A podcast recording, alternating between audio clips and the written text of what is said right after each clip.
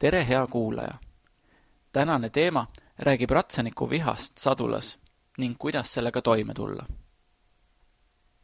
ei tea, kas see tuleb kuumast suvest, aga olen viimaste nädalate jooksul mitmelt oma õpilaselt täiesti üksteisest sõltumatult kuulnud muret, et hobuse seljas keevad emotsioonid üle. mingid päevast päeva korduvad mustrid ajavad nii närvi, et ratsanikul tekib viha ja selle ajel ei käitu ta nii, nagu tahaks. Süütunne, et oma käitumist ei kontrollitud, jääb hinge kriipima. kui kirjutasin ühes varasemas artiklis hirmust, siis alustasin mõttega, et kui keegi väidab, nagu ta poleks hobuse seljas hirmu tundnud, siis ta valetab. mulle tundub, et viha osas võib, kui mitte päris sama, siis vähemalt midagi sarnast väita. paljud meist on mingil hetkel tundnud oma hobuste vastu viha mõned meist on selle tunde ajel käitunud nii, nagu nad tegelikult käituda ei tahaks, ehk isegi hobusele haiget teinud. ometi ei räägita sellest vihast eriti palju. kui üldse, puudutatakse seda teemat treenerikoolitustel vaid riivamisi ning oma murega kimpus olev ratsanik ei leia netis guugeldades ratsutamise ja viha märksõnu kombineerides vähemalt eesti keeles eriti palju abi. kas ja kui tihti tuleb ette rahulikke ja mõistvaid vestlusi sellel teemal treenerite ja õpilaste vahel, ma ei tea. Kuid mulle ei ole veel ette sattunud õpilast, kes ütleks, kunagi üks treener õpetas mulle viha kontrollimiseks ühe hea nipi. pigem vaatavad nad ikka abi otsivalt ringi. mõned usuvad, et viha tekkimine hobuse halvasti käitumise korral on loomulik ning otsivad lahendusi vaid hobuse, mitte iseenda probleemidele. mõned nutikamad on taibanud, et kui hobuse üle täielikku kontrolli saavutada ei ole niikuinii võimalik, oleks mõistlik püüda kontrollida vähemalt iseenda tujusid ja käitumisi. ma olen püüdnud aru saada, millest see tuleb, et koerte või kassidega mängides ei saa me tavaliselt vihaseks ega pea normaalseks, et keegi oma lemmikut lööks või talle muud moodi haiget teeks.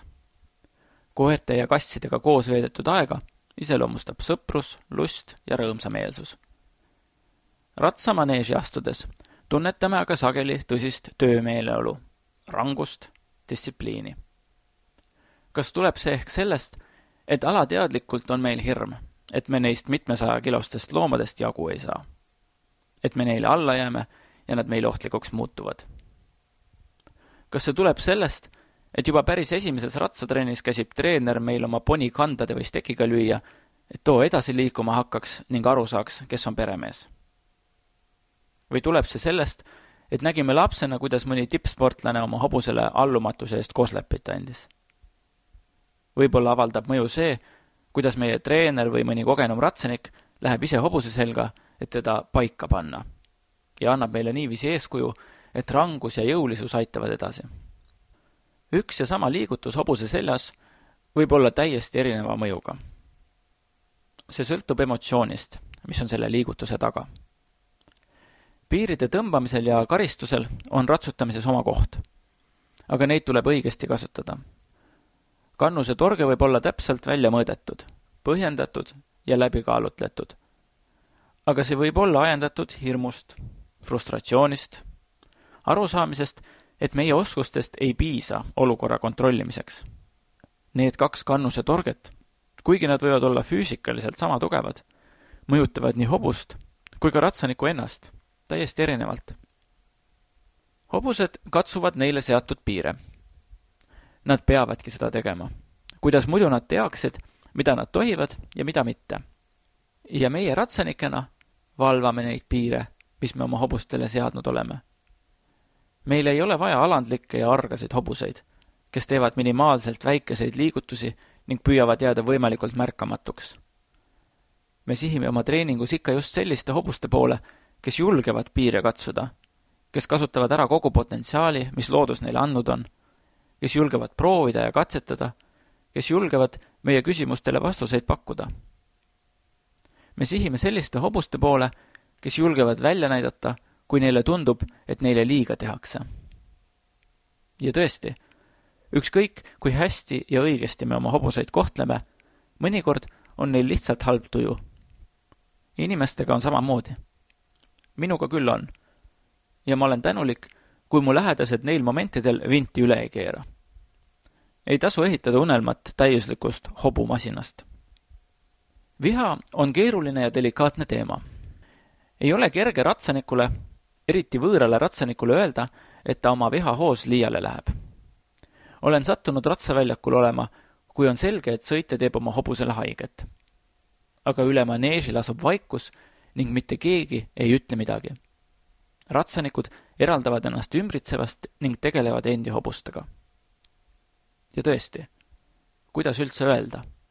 vihahoos ratsanikule peale käratades ei lähe olukord tõenäoliselt palju paremaks, sest ta ei mõtle selgelt. Läheb ehk vihasemakski. või lahkub väljakult ja jätkab nurga taga. olen siis püüdnud vaikselt öelda, nii et ainult ratsanik ise kuuleb, et äh, sa vist natuke teed talle haiget. ideaalses maailmas teeks ratsanik pausi ning viie minuti pärast tuleks ja paluks minult või mõnelt teiselt treenerilt, kas oleks võimalik tal aidata selle päeva trenn lõpuni teha. kõrvaltvaataja olemasolu distsiplineerib ning ehk suudab ka rahustada, et kui sellel konkreetsel päeval mõni harjutus ei õnnestu, ei ole tegemist maailma lõpuga.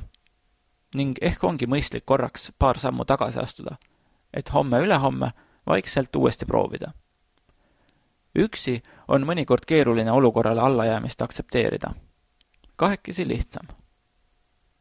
kuidas aga aidata iseennast, kui tajud, et vihahoog on peale tulemas? ja kuidas teha seda piisavalt varakult, nii et keegi kõrvaline sekkuma ei peaks? viha kontrollimiseks ei ole lihtsaid ja kõigile ühtemoodi toimivaid nippe, nagu elus ikka, ning peame proovima ja katsetama et leida see meetod, mis just meid aitab. selge on see, et kuigi väike kogus viha võib mõnes ratsanikus tekitada tervitatava trotsi, mis paneb teda pingutama ning ennast ületama, arenema, siis ei tohi selle vihaga kaasneda hobuse väärkohtlemist. ja tegelikult ei tohiks selle vihaga kaasneda ka ratsutamisrõõmu minema pühkimist, sest mille muu pärast me ikka sadulasse ronime kui rõõmu pärast. mõnikord aitavad metafoorid mulle meeldib mõelda ratsutajatest kui lasteaiaõpetajatest. kui õpetame väikeseid lapsi, siis ei haara me joonlaua järele, et sellega vastu sõrmi virutada, kui laps millestki aru ei saa või tunnis kaasa teha ei taha. püüame seletada teistmoodi. muuta õppeprotsessi mängulisemaks, tekitada huvi. ratsaniku roll on leida harjutusi ja meetodeid, mis töötaksid just selle hobuse peal. meie ülesanne on hobuseid aidata neid toetada. mõnikord, kui treening ei lähe üldse nii, nagu plaanitud, võib ehk abi olla ettekujutusest, et peate pärast trenni lapse, ehk siis hobuse, lapsevanemale üle andma. isegi kui tegemist on jonnaka lapsega, ei taha tõenäoliselt ükski õpetaja anda lapsevanemale üle last, kes tuleb tunnist ära nuttes ning kardab järgmisel korral tagasi tulla. me leiame lahenduse. isegi siis, kui peame tunniplaani täielikult ümber mängima ja tõele au andes, suurem osa jonnakaid lapsi kasvab täiesti tavalisteks normaalseteks inimesteks. hobustega on sama. hoiame lihtsalt pikas perspektiivis õiget suunda. me ei pea igat lahingut võitma. viha on reeglina teisene emotsioon. see varjab enda taha mõnda muud tunnet. mis see muu tunne on, see jääb igaühe enda välja nuputada. see võib olla hirm elu ja tervise pärast kui viha tekib ohtlikult käituva hobuse seljas. see võib olla väsimus pikast tööpäevast, mis ähvardab muutuda veel pikemaks, kui hobune ei käitu hästi ja trenn venib pikemaks. või kui hobune jalutab Kopli kõige kaugemasse ja mudasemasse nurka, kui meil on ostetud teatripiletid paari tunni pärast algavale etendusele. see võib olla hirm häbitunde ees, kui kõrvaltvaatajad näevad, et me ei saa enda hobusega hakkama.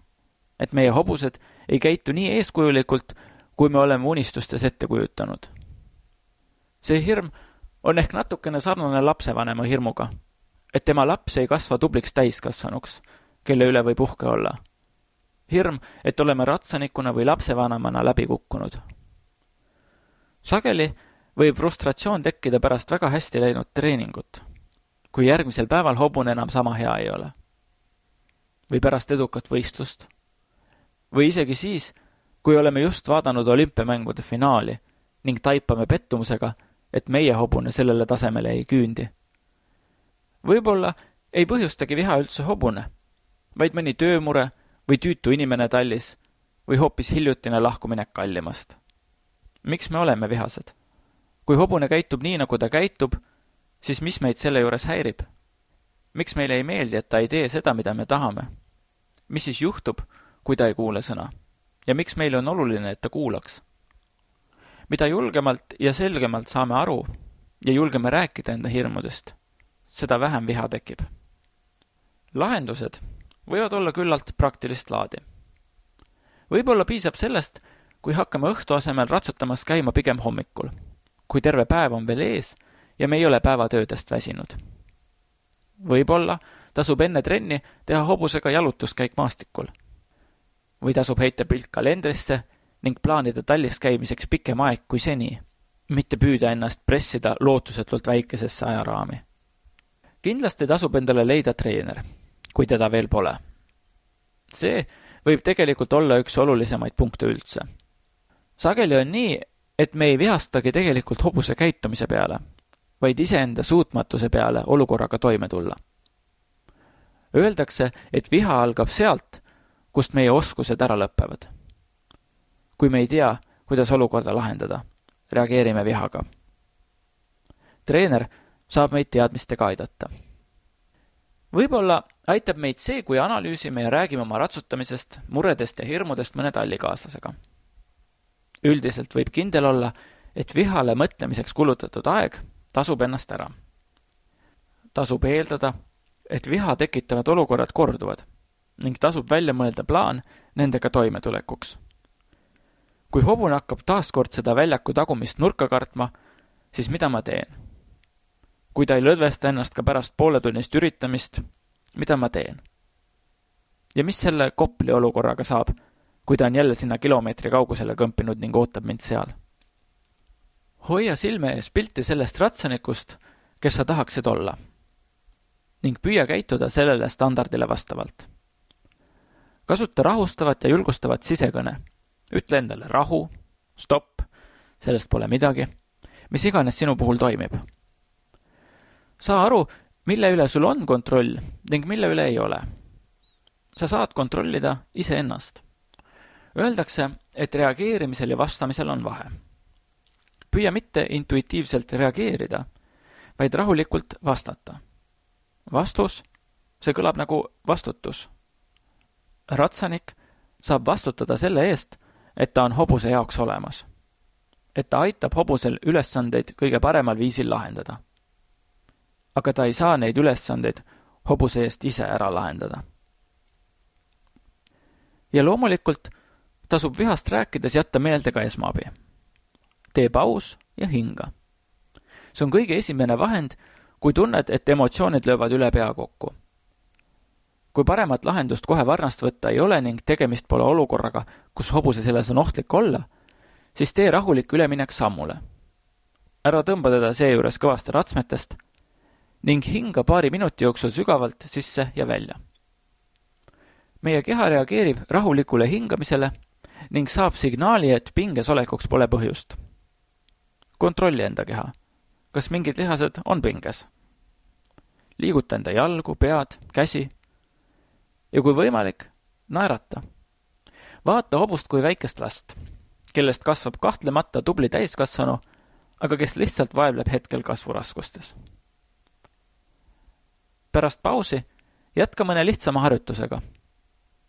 ebakõlade kuhjudes nii ratsiniku kui hobuse enesekindlus kannatavad ning see, mis heal päeval hästi välja tuleb, ei pruugi veidi kehvemal päeval üldse jõukohane olla.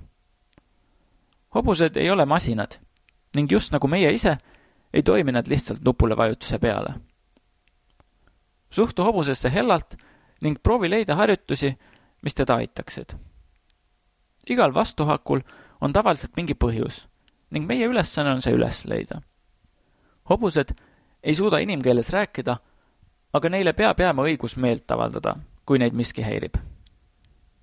tuleb mõista, et just nii, nagu ratsaniku vihaga tegelemine ei ole ühe trenni projekt ning lahendused tekivad võib-olla alles nädalate või kuude, võib-olla isegi aastate pärast. nii ei saa ka hobuse kõiki probleeme lahendada ühe trenniga. aeglane järjekindel töö õiges suunas toob tulemused. ratsutamine õpetab elu. kui õpime vihaga toime tulema, ei täna meid mitte ainult hobused, vaid ka inimesed meie ümber. Kui muutume paremaks ratsanikuks, muutume paremaks inimeseks. ja vastupidi